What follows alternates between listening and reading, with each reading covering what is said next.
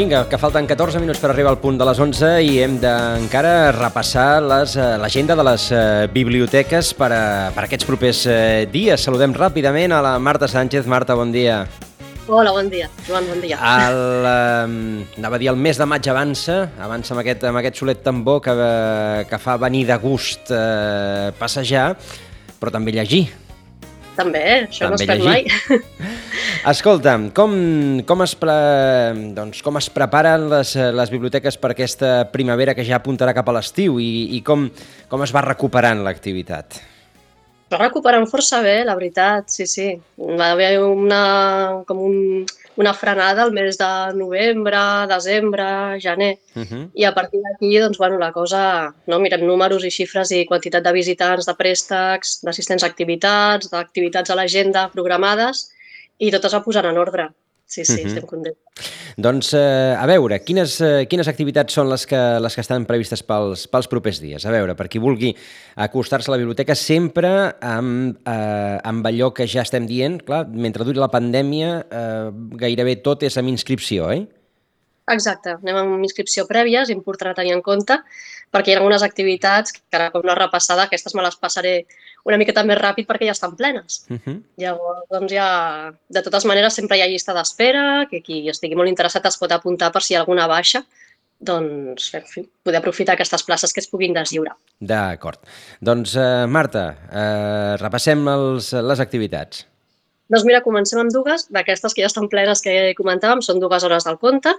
Les activitats familiars, la veritat és que tenen molt d'èxit i mhm. de seguida s'omplen, clar, també estan pensades per un adult que acompanyi els seus nens i, per tant, clar, les inscripcions no són d'una en una, sinó que de dos en dos o de tres en tres, per tant.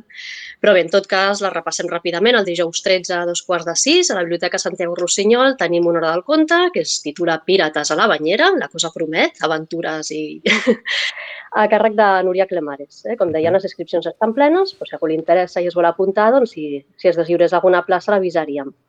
I la següent, el divendres 14, aquesta és el Centre d'Interpretació de la Malvasia, perquè forma part d'aquest cicle de biblioteques amb DO, lletres i vins, que la Sonsoles i l'Alba, la Sonsoles Martín i l'Alba Gràcia l'altre dia van comentar.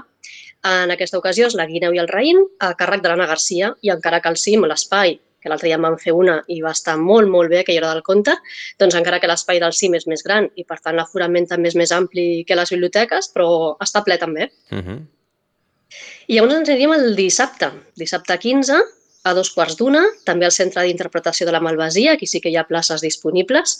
Hi ha una, una activitat d'aquestes especials que uneixen el vi amb les lletres, amb, amb la literatura, i es titula De vins i mots, a càrrec de David Vila i Ros, que és escriptor, rapsoda, és professor i dinamització lingüístic.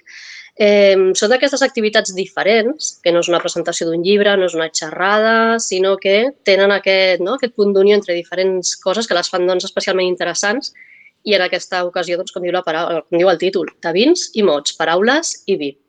Serà el dissabte 15 a dos quarts d'una. Tothom que li interessi, doncs, apuntar-se a l'inscribirme.com, per telèfon, presencialment a la biblioteca Josep Roig Reventós, amb un correu electrònic. Hi ha diferents maneres per acabar aquestes places que estan disponibles. La plataforma és inscribirme.com perquè Exacte. a part d'allò de, de, de la trucada, eh, a part de les fórmules clàssiques, la plataforma aquesta és fàcil de recordar, inscribirme.com. Aleshores, simplement s'ha de posar allò al lloc Sitges i aleshores ja sortirà eh, les, les possibilitats d'inscripcions. Si no, a través d'Instagram també és molt fàcil perquè hi ha un, uns links directes en, uh -huh. en mhm. aquests formularis d'inscripció tant d'una biblioteca com de l'altra. Perfecte. El dimarts 18, que ens anem a l'altra setmana, a dos quarts de set de la tarda, a la Biblioteca Santiago Rossinyol, tenim la presentació d'una novel·la. Es titula Barrabàs el Sicario i l'autor és José Luis Vázquez. Va ser un dels autors locals que va estar signant per Sant Jordi a la Prada de l'Ajuntament i anirà a la presentació a càrrec de Clara Vázquez, que és la seva filla. Per tant, serà una presentació, pensem, molt emotiva uh -huh. i molt propera a l'autor.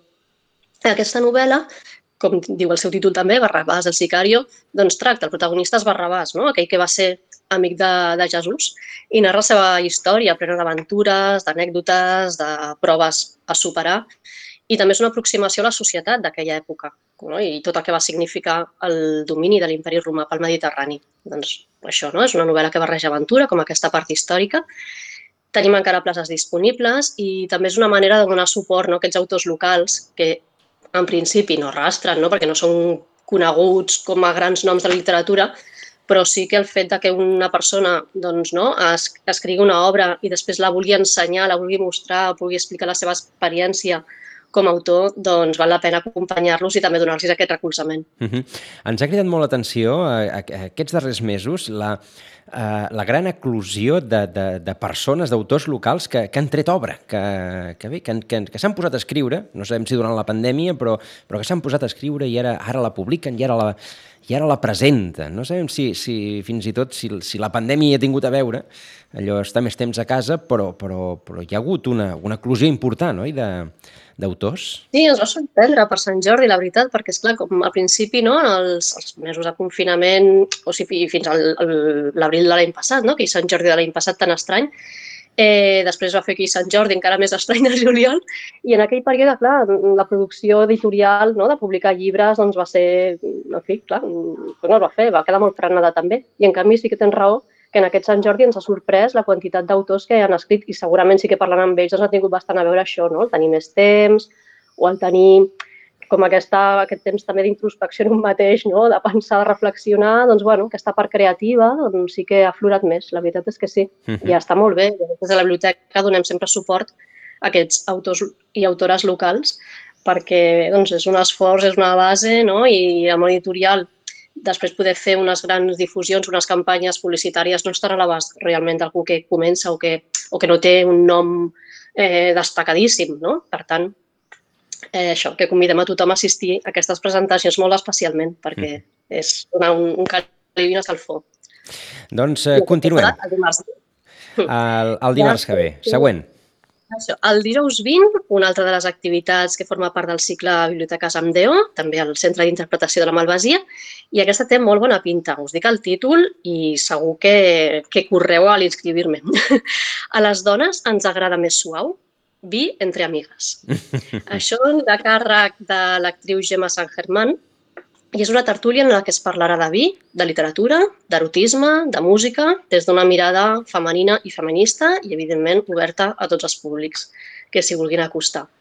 Hi haurà lectura veu alta de fragments escollits de diverses autores, acompanyada de música de fons, d'intèrprets i cantants femenines, i això doncs, crearà un clima no, d'intimitat, de confiança per tots els assistents i, evidentment, vi. D'acord, doncs eh, em sembla que vam, vam comentar eh, quan, quan van venir sí. l'Alba i la, la Sonsoles aquesta, eh, aquesta curiositat de la, del títol absolutament sí, sí. intencionat d'aquesta activitat del, del cicle de Biblioteques Andeo.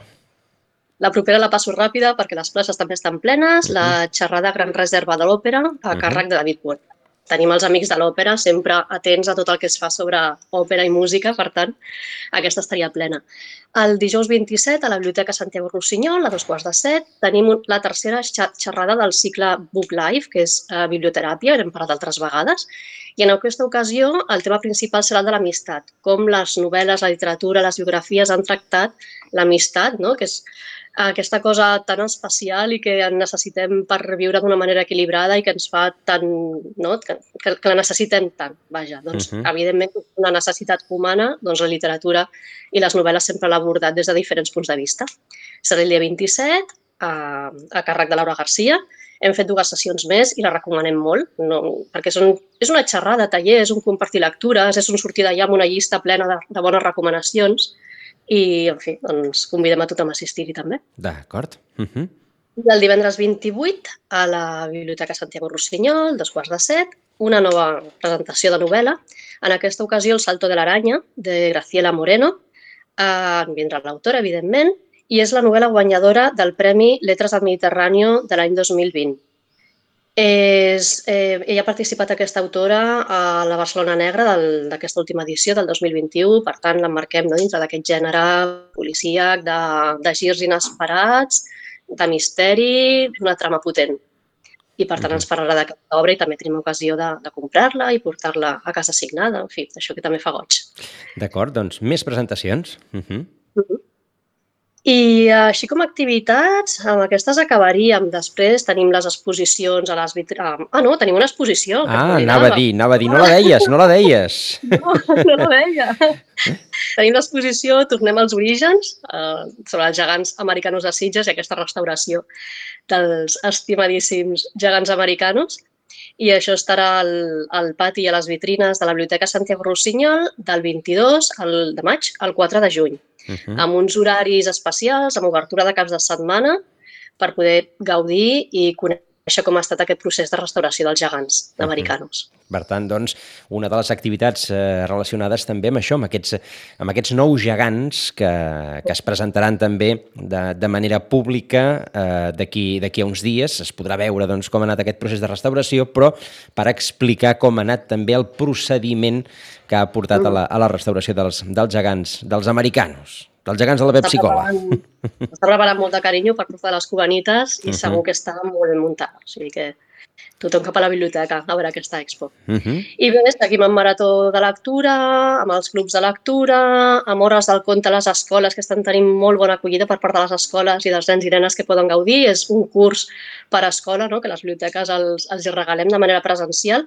I molt ràpid volia destacar l última, la de l'Escola Esteve Barratxina, que la vam fer aquesta setmana passada, i la destaco perquè la vam fer amb nens i nenes de sisè. Cada escola tria, i aquesta amb els de sisè, amb els grans, va ser com un regal per ells. No sé molts d'ells quan temps feia que algú no els explicava un conte i el van gaudir moltíssim, perquè bo. al final sí, són, són adolescents i la narradora té molta traça, vull dir, que és molt especialitzat amb, amb aquest tipus de públic i va connectar amb ells d'una manera molt divertida, molt xula i ells es van deixar emportar per les paraules i per aquesta experiència que als grans també ens agrada que ens expliquin bones històries. Explicar-li un conte a un nen d'11 o 12 anys, un conte. Mm.